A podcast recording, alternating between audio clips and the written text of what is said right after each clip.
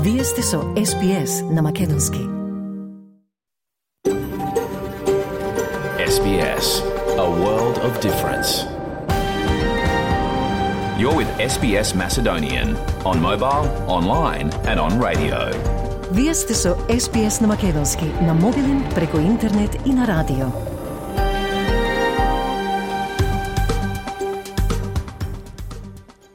СВС им оддава признание на традиционалните собственици на земјата, од која денеска имитуваме програмата на македонски јазик. Со ова изразуваме почит кон народот Воранџерево и Воранг, припадниците на нацијата Кулин и нивните минати и сегашни старешини. Признание исто така им оддаваме на традиционалните собственици на сите земји на абориджините и народите на Торе Стрейт островите, од чија земја ја слушате нашата програма. Добар ден, денес петок, 12 јануари, со вас ке биде Ласе Коцев. А бидејќи денешната петочна програма се репризира и во сабота на 13 јануари, и за оние кои не слушаат во сабота, добар ден и за нив. А од генералната најава, најавуваме дека по генералната најава следува, следува изборот од најважните вести од Австралија и светот, а по нив и редовниот извештај од Македонија – Така каде сите се оградуваат од критиките на холандскиот амбасадор Коп дека во Македонија не владее правото. А во Викторија започнуваат напорите за чистење на некои регионални градови од поплавите, додека некои градови се уште се под закана од поплави. Имаме и за тоа пообширен прилог. Денес го продолжуваме и разговорот со Томислав Вангеловски, председател на Цапарското друштво од Сидни, каде во сабота на 13 јануари ќе се одржи традиционалниот настан Бабари. Програмата ја продолжуваме со најновите вести.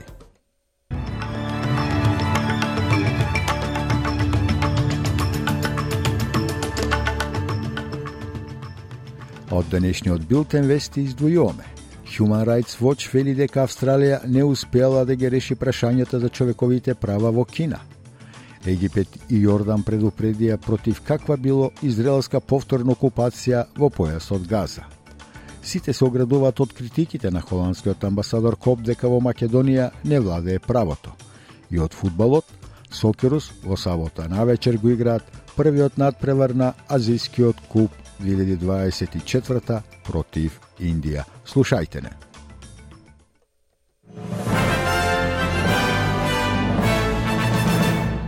Human Rights Watch вели дека Австралија не презела конкретни действија за да се справи со загриженоста за човековите права во Кина.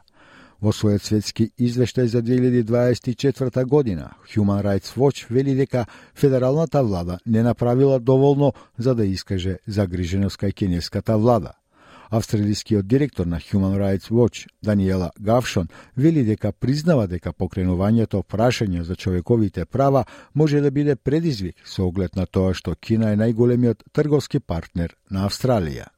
We don't think that human rights should be sidelined. We think human rights is an important part of that. You can't have effective relationships um, if you don't have countries that are transparent, um, that you know abide by the rule of law, um, that can be trusted and relied upon. Those aren't good good trade and security partners. So it's in everyone's interest that um, that that China is a rights respecting country and that the other countries that Australia deals with are rights respecting.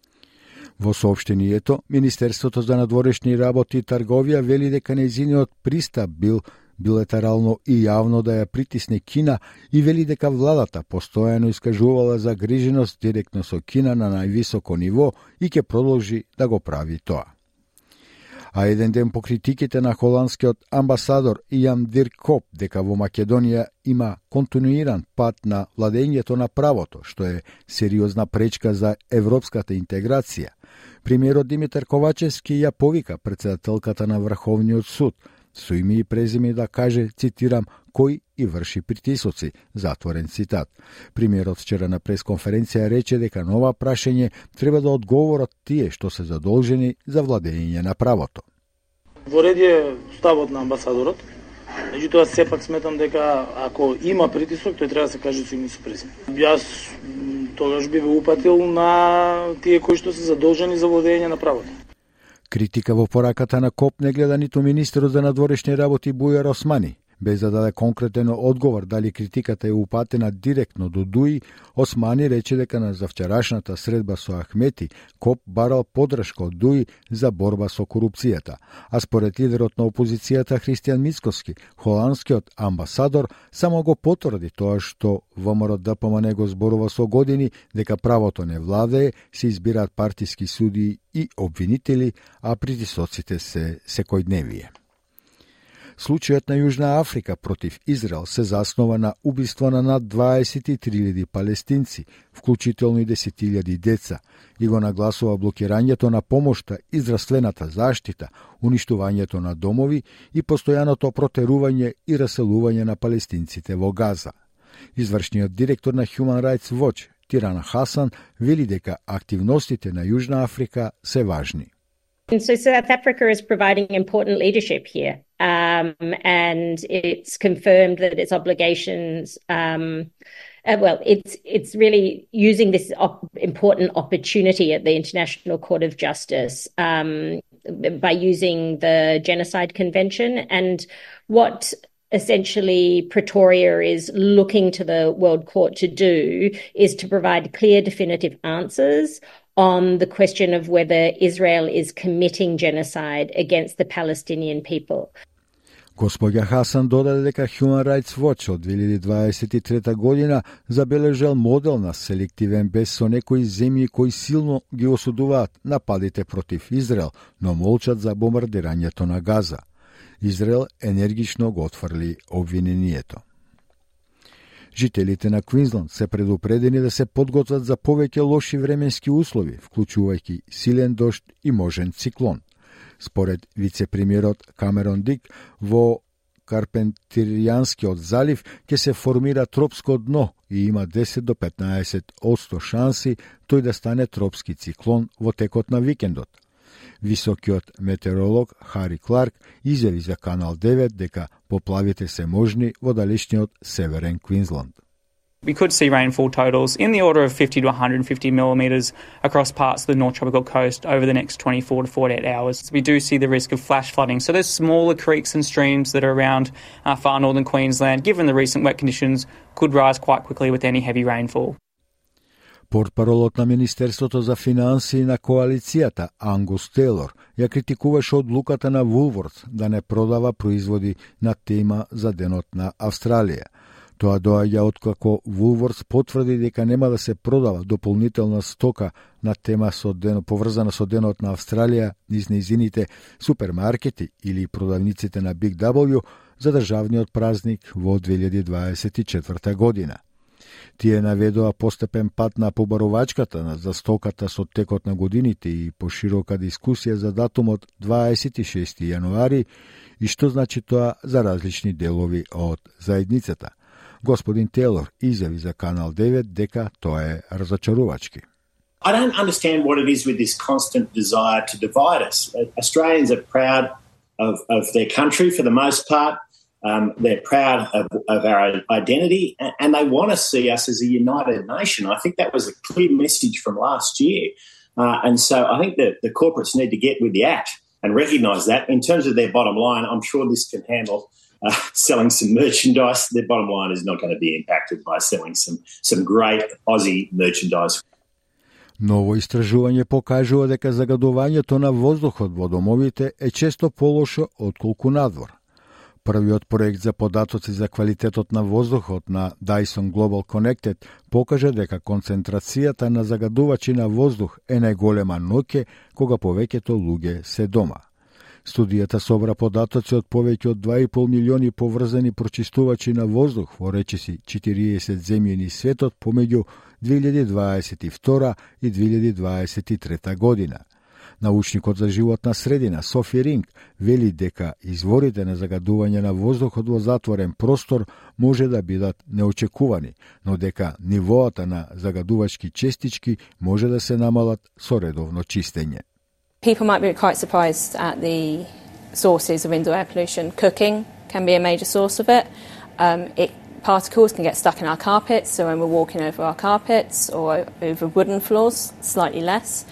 Um, if you're exercising indoors, that can produce particles.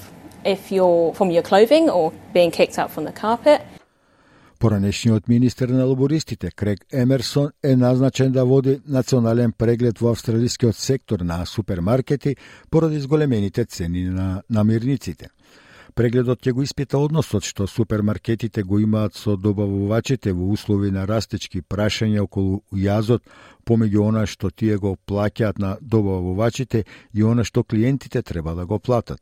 Препораките од овој преглед се очекуваат до средината на годината, а истрагата на Сенатот за цените на супермаркетите до потрошувачите се очекува подосна во годината. Премиерот Ентони Албанези вели дека супермаркетите имале должност, цитирам, да се погрижат да обезбедат достапни опции за сите австралици, особено кога заштедуваат на собствените трошоци, затворен цитат. Луѓето во делови од Западна Австралија се предупредени да се подготват за екстремни и тешки услови од топлотен бран. Бирото за метеорологија издаде предупредување за прогноза за високи температур, температури со над 30 степени, па се до 40 степени Целзиусови во регионите Кимберли, Пилбара и Голдфилдс. Во Пилбара ќе биде жешко со прогноза од 44 степени Целзиусови за петок, а за сабота се и недела се очекуваат и до 46 степени.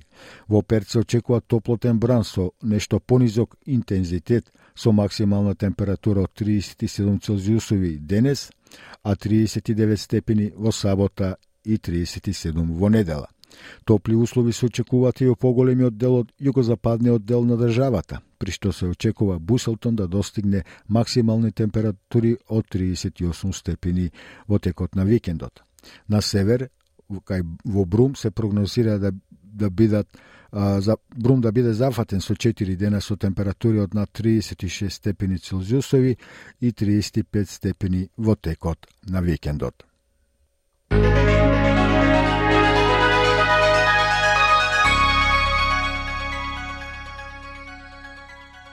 и најновата време, од денешната курсна листа, еден австралиски долар се менува за 0,61 евро, за 0,66 американски долари и за 37,36 македонски денари, додека 1 американски долар се менува за 55,78 македонски денари, а 1 евро за 61,7 македонски денари и да слушаме временската прогноза за поголемите градови за сабота 13 јануари. Перт претежно сончево со температура до 41 степен, Аделајд претежно сончево до 32, Мелбурн облачно до 23 степени, Хобар делумно облачно до 21, Камбера врнежи од дожд со можна и можна бура до 31 степен, Сиднеј сончево со температура до 30 степени, Бризбен врнежи од дожд до 30 степени, Дарвин врнежи можна и бура до 31 и во Алекс Спрингс ќе биде претежно сончево со температура до 39 степени.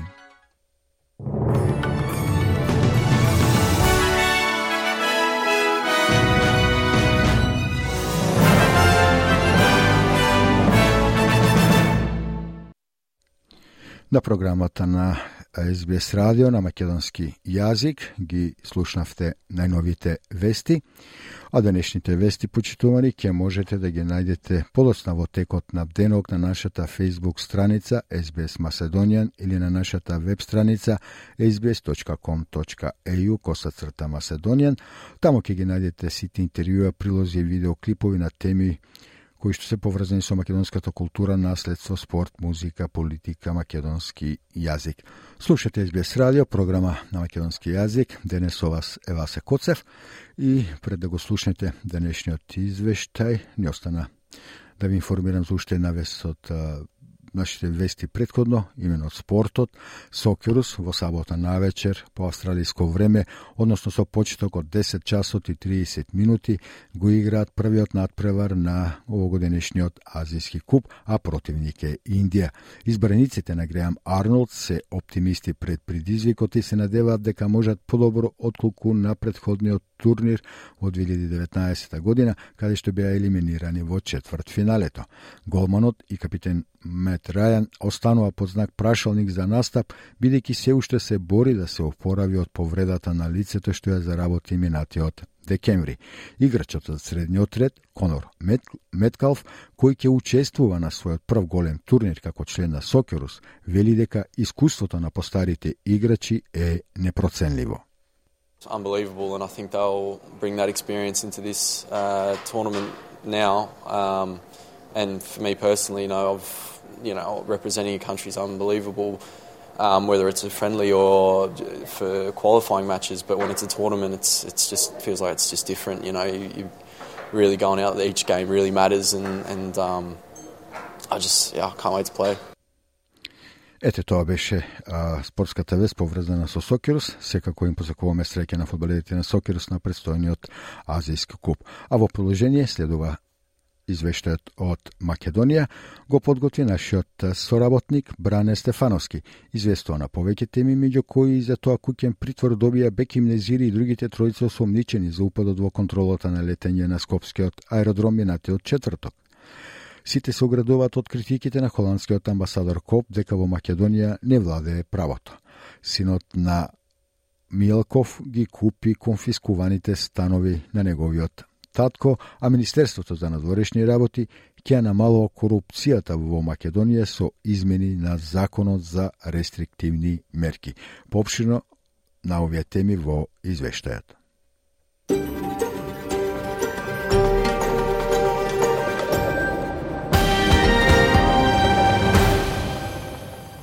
Куќен притвор добија Беким Незири и другите тројца осомничени за упадот во контролата на летањето на македонската навигација МАНАВ, кога според пријавата минатиот четврток нападнаа тројца вработени во оваа служба.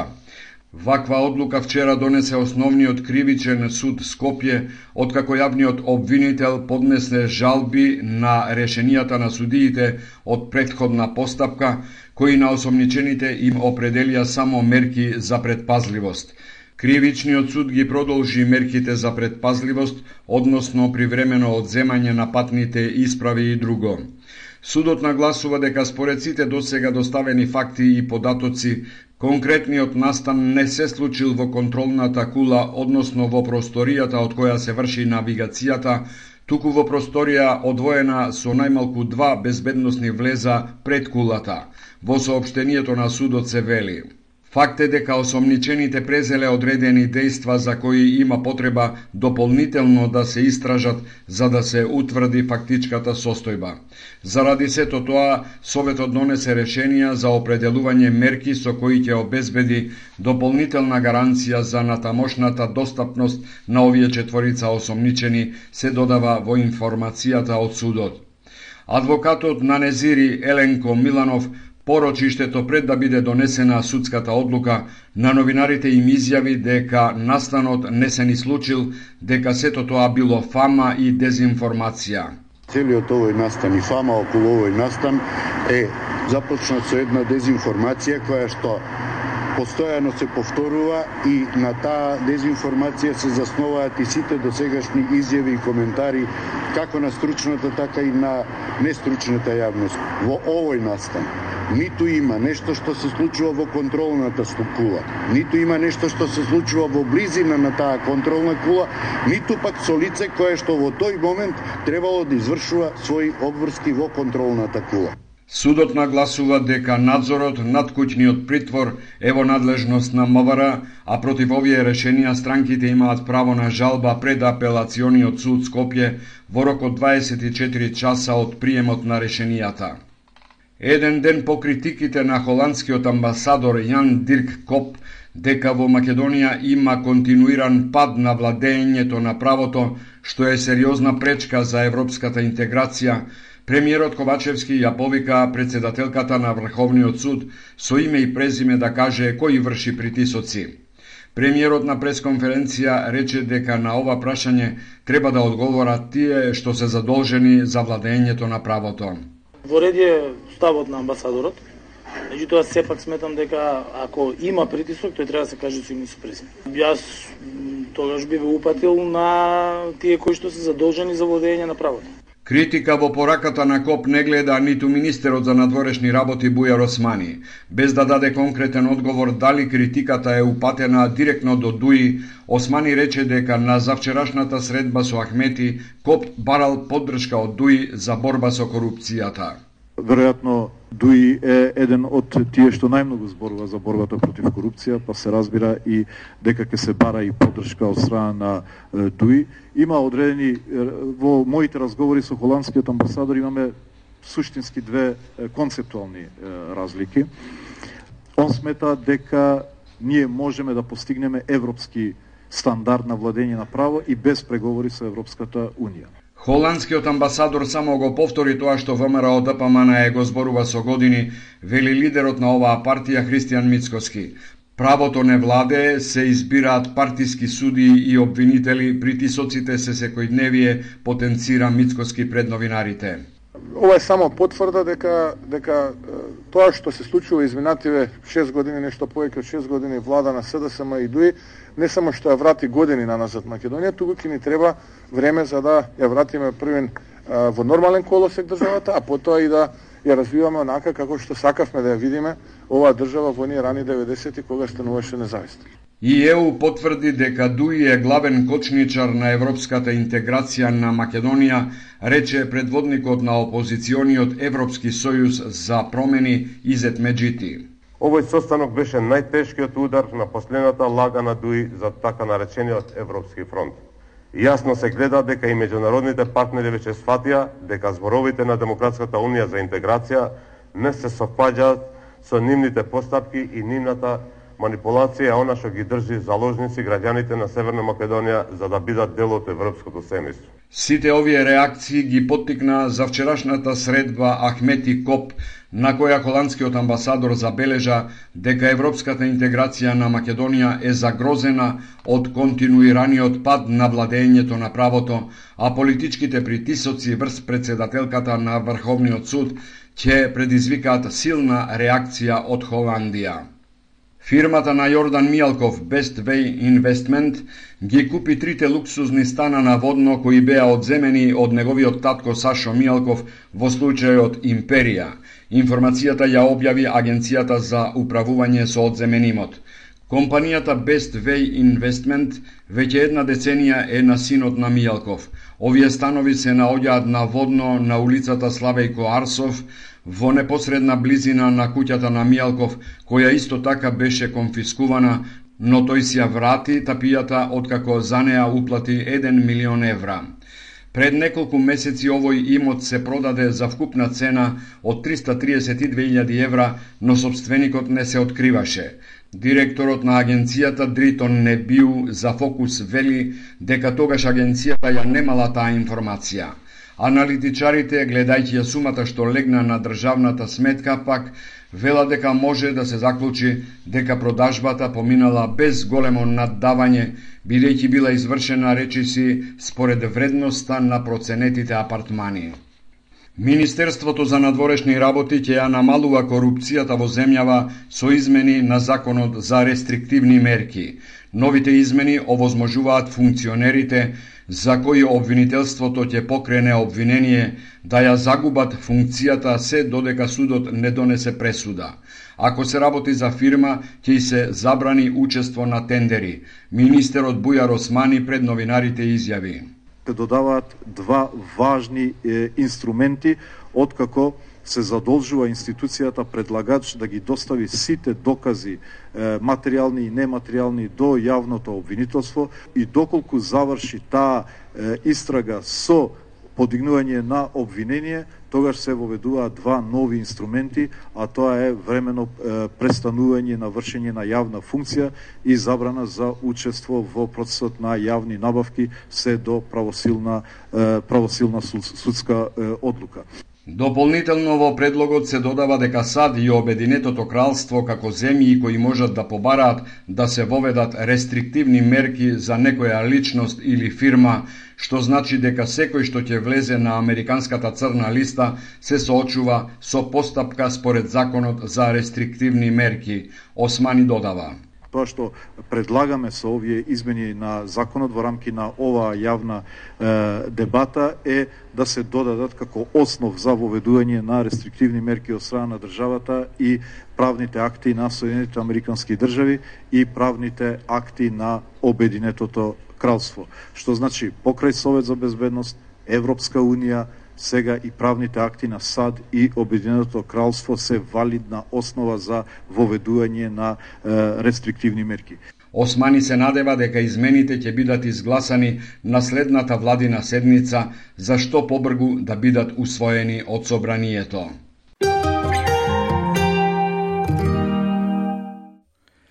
На програмата на македонски јазик на Избес радио го слушнавте извештајот од Македонија денес подготвен од нашиот соработник Бране Стефановски. Денешниот извештај можете да го најдете заедно со денешните вести и целокупната денешна програма подоцна во текот на денот на нашата веб страница sbs.com.eu коса црта Macedonian но и на веб Facebook страницата SBS Macedonија. Секако, тамо ќе ги најдете и нашите останати подготвени содржини. Слушате SBS радио, програма на македонски јазик. Денес со вас е Васе Коцев. Некои векториски заедници остануваат под закана од поплави, а се очекува да бидат поплавени повеќе домови. Како што започнуваат напорите за чистење во некои регионални градови, заканата од поплави останува активна во Мерчисон, Шепартон и Ечука. Прилогот на Джиара Хан за програмата на македонски јазик го приспособи колешката Маргарита Василева со потребните податоци за оваа тема.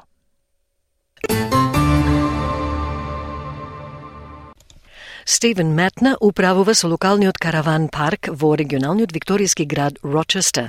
Тој почна да расчистува откако поплавите поминаа низ неговата заедница. Кога нивоата на поплавите го достигнаа својот врв, очигледно беа малку загрижени за водата која помина покрај кујните на кампот и за среќа не влегле внатре, меѓутоа тој вели сега го расчистува на собраното ѓубре. When the flood levels peaked, obviously we were sort of a bit worried about water coming through camp kitchens and this and that. Um, luckily, it didn't get into the camp kitchen, just trickled in there a little bit, so mop and bucket fixed that. But we had a lot of debris, I suppose, to clean up and still to clean up. Uh, all the pillars, the power pillars for the caravans, uh, most of them went underwater, so other electricians coming in to sort them out. Mud in the shed, apart from that, roadworks and debris to sort out and fix up. Бри Макферсон од Бирото за метеорологија вели дека јануарскиот дожд соборил рекорди, а во некои регионални области имало над 180 милиметри. Првите 9 дена од јануари во 2024 година беа највлажните во државата досега, изјави Макферсон. The, the first nine days of January in 2024 have been the wettest uh, first nine January days of January that we've had uh, for the state on record, and those records go back to about 1900. So quite a significant event uh, that we've just had.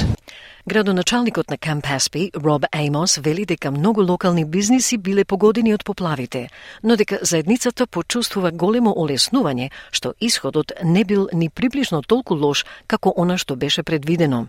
Макферсон вели тој разговарал со собственикот на IGA во градот, кој со затворањето на бизнисот за само еден ден изгубил трговија во вредност од илјадници долари, што е доказ дека овие настани имаат вистински ефекти врз бизнисите и населението воопшто. You could really feel the relief uh, in the community that it that it was nowhere near as bad and it was less than what was predicted. In fact, I was talking to the uh, owner of the IGA in town, and just the fact of them closing their business for one day, uh, they've, they've got all their employees that still need to be paid. That's thousands of dollars of trade that they miss out on for that day. So these, these um, events do have a real, real effects on businesses. За некои жители, како Сам Векио, главен готвач и собственик на ресторанот The Winery Kitchen во регионалниот град Симо, ова време ги врати непријатните спомени од поплавите што ја погодија областа во 2022 година. Тој вели дека почнал да паничи, бидејќи во 2022 година изгубија се, па затоа останал на улица да го наблюдува нивото на водата метар по метар. Gospodin Odvekio veli, to i sve u posetuva svoj psiholog. Obviously I went into panic mode because in 22 we lost everything. I spent four hours standing out on the road looking at the water going up and up. So it, it only got to within a metre of the doors. But in 22, we had a meter inside the restaurant. Thinking back to that time, because actually at the moment I am seen as a psychologist because I'm just having mental issues, still coping with that, and I just went into a total meltdown. Because if we had lost everything again, that's it, I wouldn't have come back. Но итната состојба не е завршена. Додека во некои области фокусот е на чистењето, во други градови тие се уште се во состојба на готовност за поплави, додека водата се движи низводно. Жителите во предупредуваните зони се охрабруваат да се погрежат да имаат доволно резерви. Во Мрупна, град на бреговите на реката Голберн, Некои семејства се посветија на преместување на она што можат да го преместат на повисоки места, додека чекаат потврда за тоа колку се очекува водата да се искачи таму. Шефот на Државната служба за итни случаи Тим Уибуш вели дека пораката е секогаш да се слушаат локалните совети. За заедниците во и околу Кијала, Шепетен и Мрупна сега е време да се действува и да се внимава во однос на условите. Уибуш вели дека посетиле околу 300 имоти во тие области за да ги предупредат жителите за фактот дека може да има поплави во и околу нивните имоти и улици. Во оваа фаза, вели Тим Уибуш, се очекува помалку од десетина имоти кои може да бидат директно погодени во и околу тие домови, но ќе има и големи поплави на некои од улиците во тие заедници, изјави тој. So for those communities in and around Kyella, Shepparton and Marupna, now is the time to act. Be alert to your conditions. We have door knocked around 300 properties in those areas to alert them to the fact that there may be flooding in and around their properties and streets. At this stage, we are only expecting a very small number, less than a dozen of properties that may see some direct impacts in and around those homes, but there will be extensive flooding in some of the streets in those communities. Тим Уибуш вели дека треба да се слушаат локалните совети, што значи дека не треба да се вози низ поплавените места и улици. Тој вели дека имало најмалку 52 случаи на спасување од поплавите од почетокот на вонредната состојба.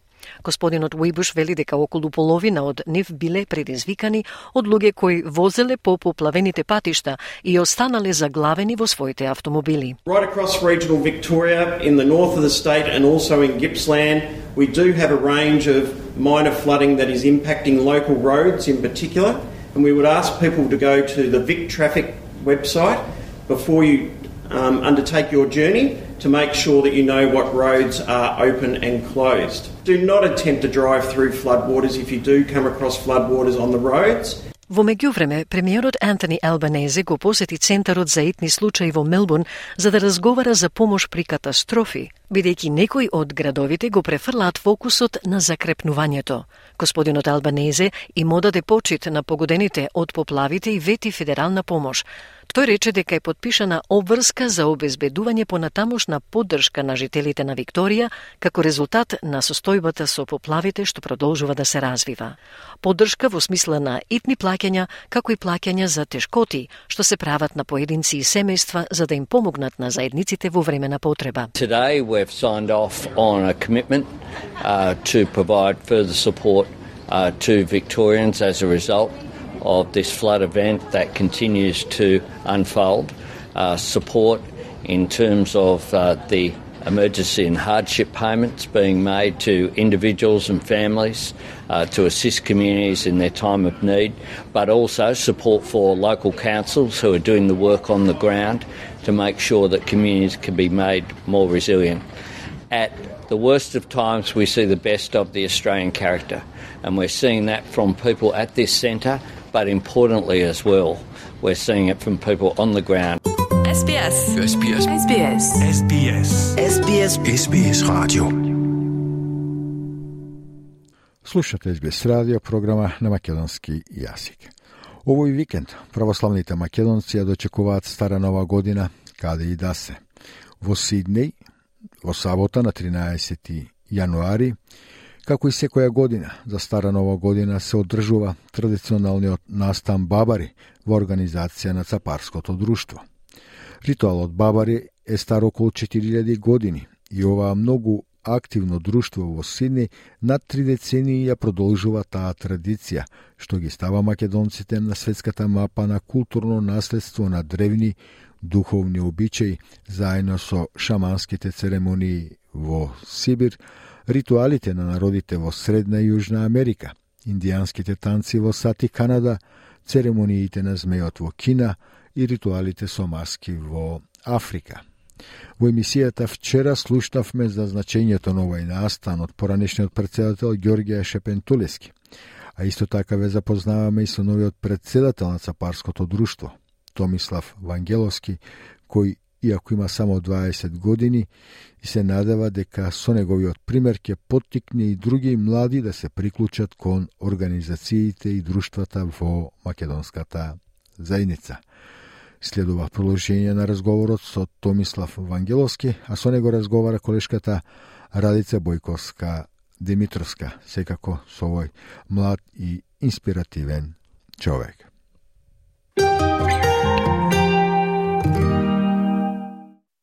Ко бев 16 и 18 години, ојдов на Македонско училиште, а во Вулунгонг во Смитсхил High School научив тамо за 3 години, секоја сабота, и направив и тоа за HSA. Браво. Меѓутоа, првата учителка беше баба ти, така? така баба ти беше, Иванка. Така, баба ми Иванка и дедо ми Томе. Сакаше да се зборува македонски само дома, Само нели? д- така велеше дома по наши, ако сакаш енглески, оди на школу. Иначе ќе се забораваш јазикот.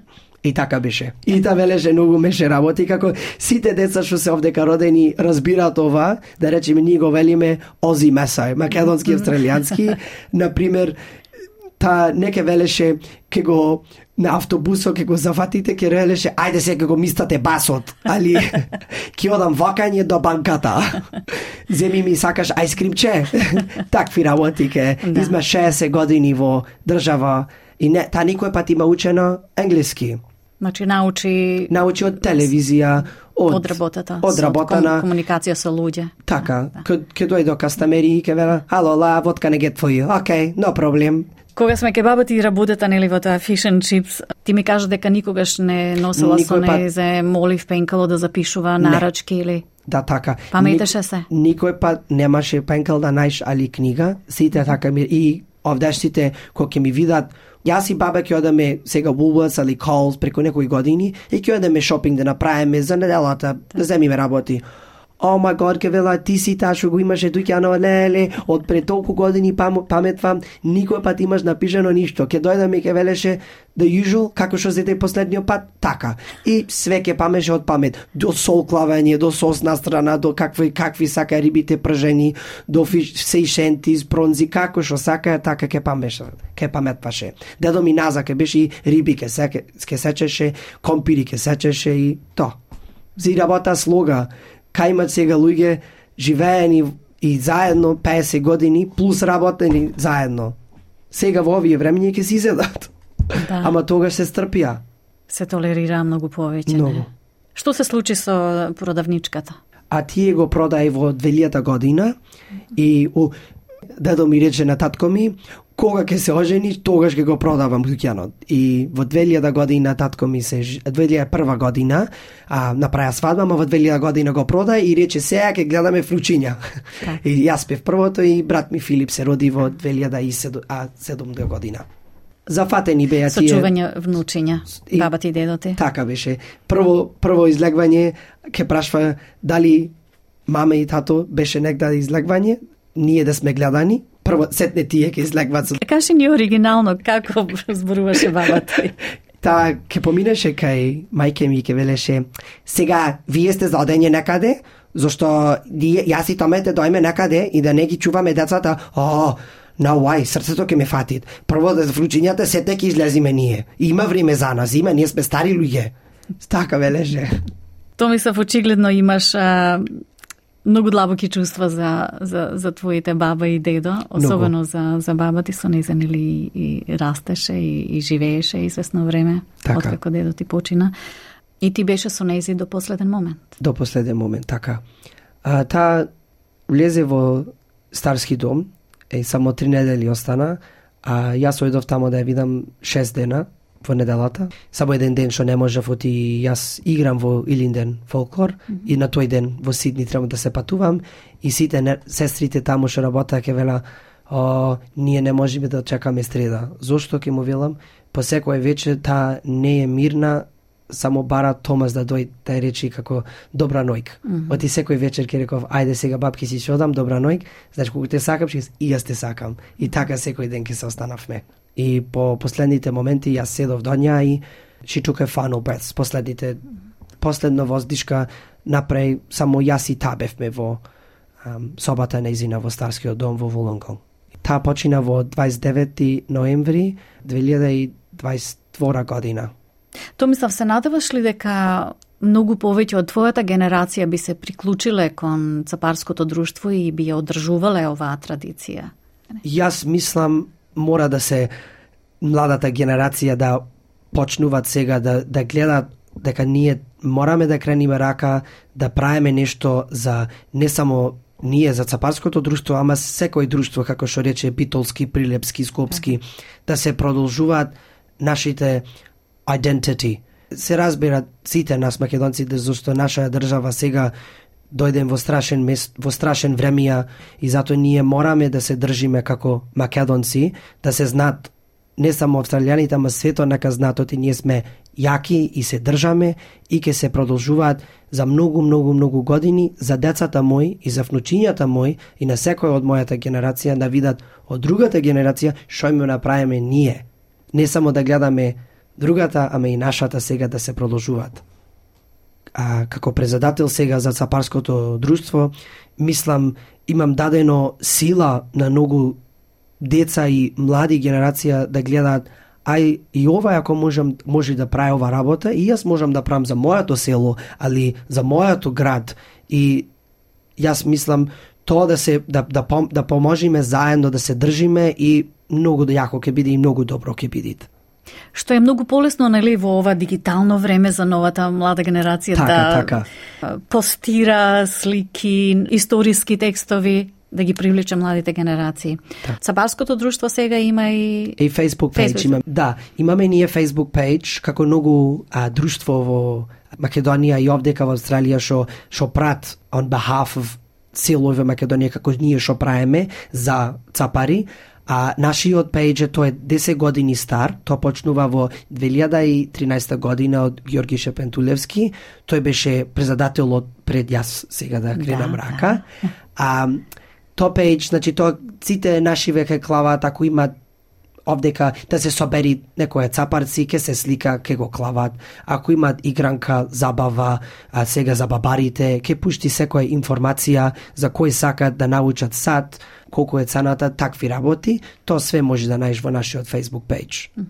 Дали комуницирате со цапарчани од Цапари од да, Македонија? и многу има цапарчани што живеат таму и што го имат од наш и што коментираат и дават неговите идеја mm -hmm. и што мислуваат тие да правиме и како и што. Ако не прогориме со ними, за џабе правиме овдека, оти ние све што правиме за нашето село. Нашето село е многу старо село, А, а зна, знаеш ли, Томсав, колку цапарчани има во Сиднеј? Многу имат. Не знам доволно. Може би повеќе од Дезоло. Повеќе овдека има тоа што има тамо. Е.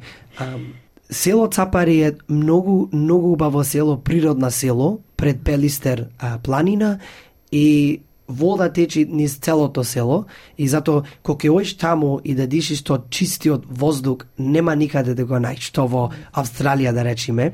Некам да велам оти ние сме најакото село, ама се, сите селои се многу добри, многу јаки, ама нашиот во времето беше од најаките битолска села под времето.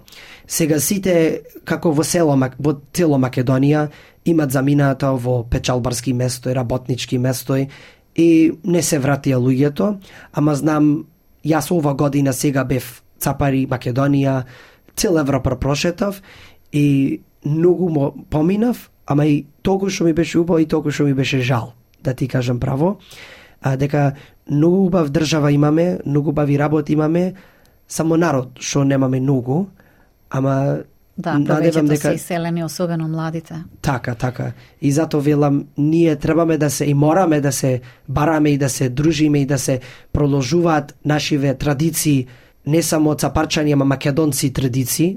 Томислав, ти очигледно многу се интересираш и за вашето семено дрво, така. семена лоза. Yes, yes, yes. Имаш многу слики, еве, само што ми покажа колку слики имаш од порано и од твоите прадедо и прабаба. Така, yes. Дори. Многу имаме слики и многу ми е како мило што го имаме тоа. Која е најстарата слика што ми ја покажа? Најстарата слика е од на предадо ми и пребаба ми, тоа е слика на свадбата не, а незино.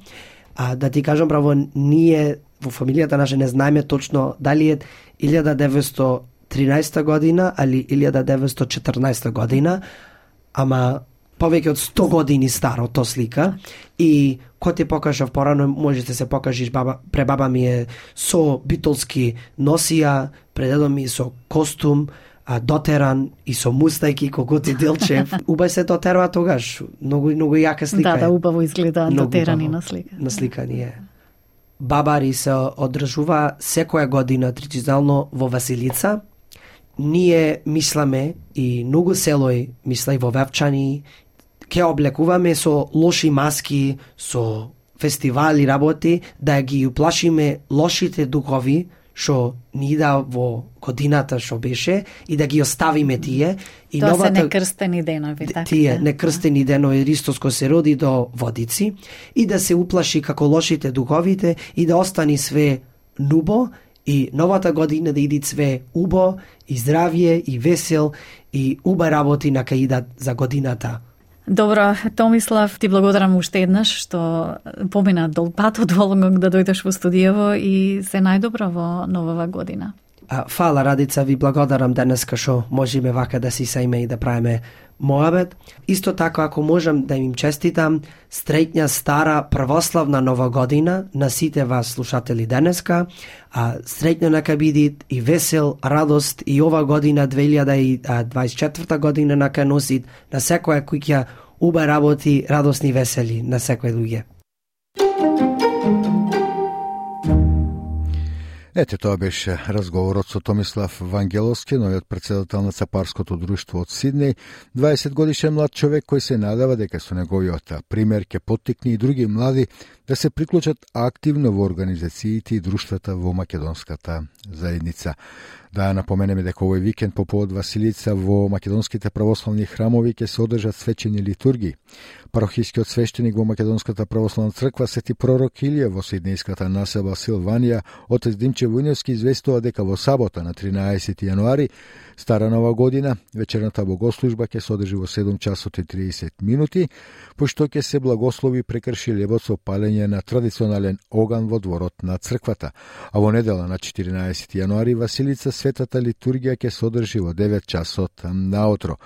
Сети литургија во 9 часот наутро ќе се одржат и во четврток на 18 јануари во Водопост, петок 19 јануари Богојавление Водици и сабота 20 јануари Собор на Сети Јован Крстител. Со тоа почитувани полека се ближиме до крајот на денешната програма. Уште еднаш да се подсетиме на неважните настани на денот.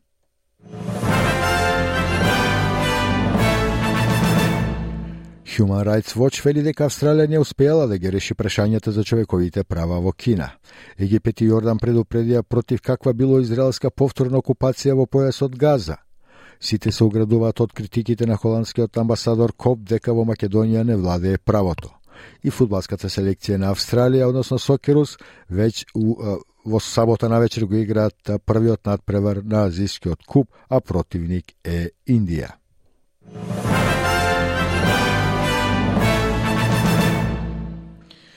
И тоа е се за денеска почитувани слушатели. Благодарам што бевте со нас во изминатиот час.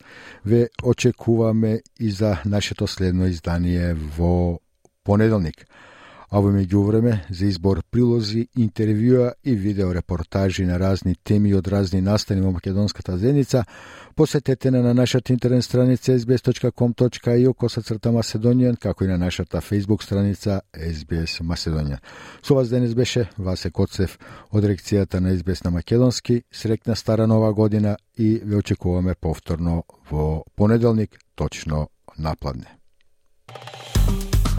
Стиснете, ми се допаѓа, споделете, коментирајте.